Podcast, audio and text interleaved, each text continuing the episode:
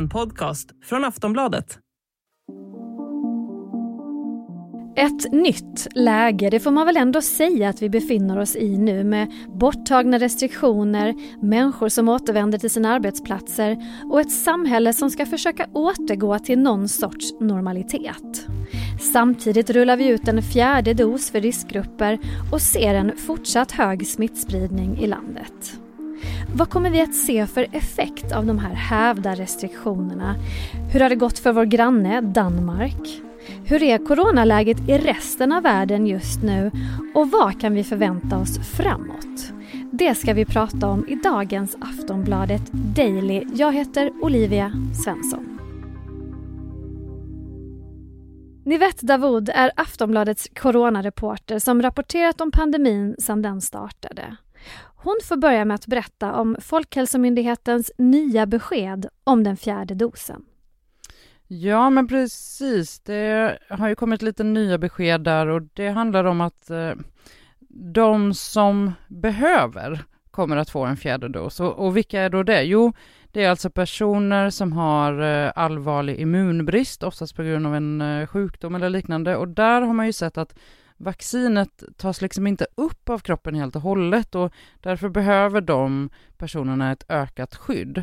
Eh, sen också så har man ju sett att på grund av den höga smittspridningen som pågår i samhället så vill man också stärka skyddet för de som är allra, allra skörast. Eh, där ju en lindrig sjukdom, även om man har blivit vaccinerad, kan bli väldigt allvarlig.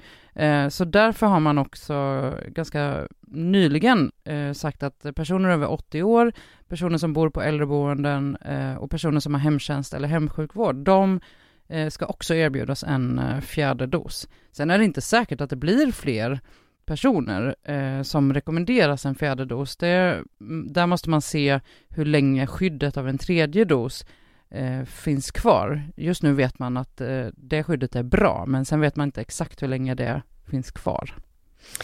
Nu är det ju många som har börjat andas ut i Sverige. Du och jag står för första gången på väldigt länge i samma rum och spelar in den här podden.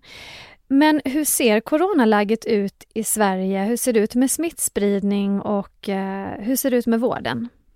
Smittspridningen är ju eh, fortsatt väldigt hög, det ska man komma ihåg. Sen belastningen på vården ser liksom ut att ha hamnat på en platå och den är dessutom inte alls lika hög som den var under tidigare smittovågor. Så det är ju en av anledningarna till att man eh, kunde avveckla restriktionerna. Ehm, just för att man såg att belastningen aldrig blev så hög som tidigare. Ehm, och, och, och frågar du vårdpersonal så är det fortfarande ansträngt, men det är som sagt inte alls som tidigare vågor. Sen eh, dödstalen kan man också nämna, de är ju eh, faktiskt ganska höga, men där är det också så att Dels säger Folkhälsomyndigheten att det är på ett sätt naturligt, om man kan använda det ordet, när man har en hög smittspridning, att fler liksom blir eh, allvarligt sjuka och avlider med covid-19. Sen är det också mer och mer så att personer eh, avlider samtidigt som de är smittade. Det behöver inte betyda att de avlider på grund av sjukdomen. Och det här är ju lite tekniskt, men det här är en sån sak som i statistiken ser ut som att det är eh, avlidna med covid-19, men som man tre veckor senare när man får se dödsorsaksintyget eh, kan liksom rensa ut från statistiken för att det är snarare personer som har eh, avlidit och varit smittade samtidigt, vilket ju i sin tur är naturligt när vi har en så hög smittspridning i samhället. Så lite komplicerat med statistiken just då eh, kanske man kan dra slutsatsen av också. Men kommer vi att märka någon effekt av att restriktionerna nu hävs? Alltså vad kan man säga utifrån till exempel andra som har släppt restriktionerna tidigare? Det här är ju lite knepigt förstås. Eh, det är ju så att Folkhälsomyndigheten har ju gjort bedömningen att eh, när man sa att nu kan vi avveckla restriktionerna, eh, att det här inte kommer att påverka avsevärt eh, åt ena eller andra hållet eh, i läget, därför att eh, vi är tillräckligt många som är vaccinerade, det är tillräckligt många som har haft sjukdomen och på det viset är immuna. Eh, omikronvarianten eh, ger inte lika eh, svår sjukdom som tidigare varianter och som sagt det här med vårdbelastningen att den har varit mycket, mycket lägre än tidigare eh, smittovågor. Så att eh, då har man kommit till punkten, menar Folkhälsomyndigheten, och regeringen valde ju att gå på den linjen, där restriktionerna blev liksom en allvarligare påverkan än själva sjukdomen. Det var ju till exempel jättemånga som var hemma i karantän för att någon annan där hemma var sjuk och då kanske bara lindrigt sjuk för att, för att personen var vaccinerad. Eh, sen då så betyder ju inte det att pandemin är över. Smittan är ju eh, fortfarande väldigt hög, men eh, förhoppningen eller bedömningen är att det inte kommer att påverka åt ett eller annat håll. Om man då ska titta på eh, till exempel grannländer som Eh, Danmark, eh, som just hävde restriktionerna lite tidigare än vad vi gjorde, så ska man ju först då, som jag alltid brukar påpeka, säga att det är svårt att jämföra med andra eh, länder, för att det ser lite olika ut var man är i smittspridningen, vi har haft olika eh, åtgärder och så vidare. Kanske hur man testar sig. Ja, men precis. Då, då är det ju liksom eh, ja, ännu svårare dessutom för Sverige, för att Sverige har ju haft en en lite egen strategi. Um, men där, alltså i många andra länder så, så gör man lite samma bedömning, att det är tillräckligt många i samhället som är eh, immuna eh, på olika sätt eh, och att man då kan börja häva.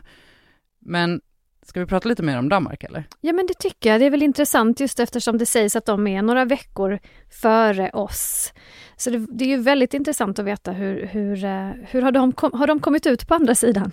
Ja men lite verkar det faktiskt så. Eh, för att smittan där är också fortfarande hög, men den ser också ut att ha hamnat på en platå. Eh, och det kan faktiskt till och med vara så att den minskar om man, om man eh, tittar på vad myndigheterna har sagt den senaste tiden. Eh, och, och, där har man också, precis som i Sverige, noterat att vården inte alls har haft samma påverkan eh, trots att smittspridningen är hög. Eh, det är ju fortfarande patienter som läggs in på sjukhus, men det är inte alls lika många som behöver intensivvård till exempel. Eh, sen är det ju det här, om det hade skett med eller utan restriktionerna. Det är ju jättesvårt att säga för att nu nu har, vi ju, nu har man ju valt den här vägen, så man vet ju inte vad som hade hänt om man inte hade gjort det, så att säga. Um, men, men det är inte alls omöjligt att det faktiskt är så, precis som man gör bedömningen i Sverige, att det är så pass många som har smittats eller som har vaccinerat sig, så att det finns helt enkelt inte så många kvar att, för viruset att smitta och göra allvarligt sjuka. Åtminstone inte den här genom den här omikronvarianten som vi nu är drabbade Nej, av så att precis. säga. Eh, om vi då tittar ut över världen, eh, det är ju, finns ju många länder då att prata om förstås, men kan man säga någonting om hur läget ser ut? Eh, det finns ju förstås ställen som är värre drabbade än andra. Ja, och det ska man ju verkligen säga, även om eh, Folkhälsomyndigheten och regeringen har sagt att, att restriktionerna är avvecklade så fortsätter man ju verkligen att bevaka eh, smittspridningen både i Sverige och runt om i världen. Så att när de, när Folkhälsomyndigheten tittar och gör sina analyser så ser man att smittspridningen minskar lite globalt, eh, dödsfallen ökar fortfarande. Det är ju en eftersläpning, man blir ju först sjuk och sen allvarligt sjuk och så eh, vårdas man och så förhoppningsvis så överlever man, men i värsta fall så, så eh, avlider man med smittan. Um, Sen ser det väldigt, väldigt olika ut i, i olika länder. Det beror på testning, det beror på strategi, det beror på vaccinationstäckning. Eh, och även om man ser att smittan minskar lite så är den väldigt omfattande. Och det är ju då omikronvarianten nu som är helt dominerande och den är ju mer smittsam än tidigare varianter. Eh, om man kastar en blick på Europa till exempel så är det väldigt ojämnt eh, just beroende på vaccinationstäckningen. Ehm, I länder som, som Sverige till exempel då, där eh, vaccinationstäckningen är hög, så har man ju haft en, en eh, rätt rejäl omikronvåg, men som sagt färre eh, som har blivit eh, svårt sjuka och behövt eh, sjukhusvård. Eh, och där är det ju fler länder, inte bara Sverige och Danmark som jag nämnt, utan också till exempel Frankrike och Tyskland som, som börjar eh, titta på att avveckla restriktioner. Eh, och andra länder då som haft som har mycket lägre vaccinationstäckning, som har haft sin svåraste våg hittills. Eh, och, och, där kan man till exempel prata om länder i östra Europa där eh, det finns en skepsis till exempel mot myndigheterna och andra anledningar som har gjort att färre har vaccinerat sig utanför eh, Europa så eh, ja, ser det återigen väldigt olika ut. Eh, där kan man ju verkligen prata om, om eh, ojämlikhet i vaccinationstäckning och sådär, men ett land som är intressant att titta på där är ju Sydkorea som ganska länge hyllades för eh, strategin mot corona. Eh, men som nu till exempel har det jättetufft med väldigt hög smittspridning och där man eh, har liksom eh, allra bara nyss köpt in ännu fler sådana här självtester och börjat prioritera vilka som får PCR-testas. Det känner vi igen från Sverige när vi hade som, som högst smittspridning. Sen Hongkong är ett annat intressant exempel som ju styrs av eh, den här eh, strategin från Kina om zero covid, att man inte ska ha några som helst fall. Och där har man till exempel infört ganska hårda restriktioner därför att man då i kinesiska mått mätt har ett, ett högt antal smittofall. Så att, ja, det är intressant att kolla på världen, men det ser väldigt olika ut kan man väl sammanfatta. Och du nämnde ju här hur otroligt ojämn liksom, täckningsgraden ser ut vad gäller vaccination. Eh, I vissa länder har man ju under 10% i andra har man över 80 80, kanske ännu mer. Eh, när jag pratade med vaccinationssamordnaren Richard Bergström tidigare eh, för några veckor sedan så uttryckte han förstås väldigt stor frustration över det här.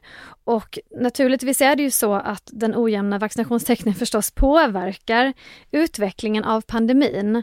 Vad kan man säga om, om det? Jag menar, vi går ju alla runt och undrar när kommer nästa variant? Man känner sig ju inte jättetrygg med de här Man gör ju inte det och Världshälsoorganisationen säger ju ofta det här nästan bevingade uttrycket nu att ingen är säker förrän alla är säkra. Och eh, det beror ju helt enkelt på att smittan kommer att fortsätta spridas i områden där färre är vaccinerade. Det såg vi med omikronvarianten till exempel som började i Sydafrika. Ehm, och det är ju det perfekta läget för nya mutationer att, att eh, skapas helt enkelt i den typen av områden. Och det påverkar ju oss alla, eh, för att det spelar ingen roll om jättemånga är vaccinerade här i Sverige, för att så länge vi har till exempel ett resande mellan olika länder så kommer ju coronaviruset att kunna spridas eh, och mutera, för det är ju det som virus älskar att göra. Och då kommer det att fortsätta påverka oss. Mm. Du får fortsätta rapportera helt enkelt, Nivette Davud. Aftonbladets coronareporter. Tack för idag. Jag heter Olivia Svensson och du har lyssnat på Aftonbladet Daily som är Sveriges största nyhetspodd. Vi hörs igen snart. Hej då.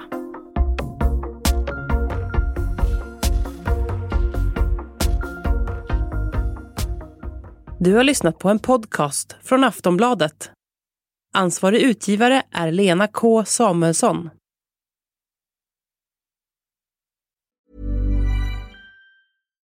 Millions of people have lost weight with personalized plans from Noom. Like Evan, who can't stand salads and still lost 50 pounds. Salads generally for most people are the easy button, right? For me, that wasn't an option. I never really was a salad guy. That's just not who I am. But Noom worked for me. Get your personalized plan today at Noom.com. Real Noom user compensated to provide their story. In four weeks, the typical Noom user can expect to lose one to two pounds per week. Individual results may vary.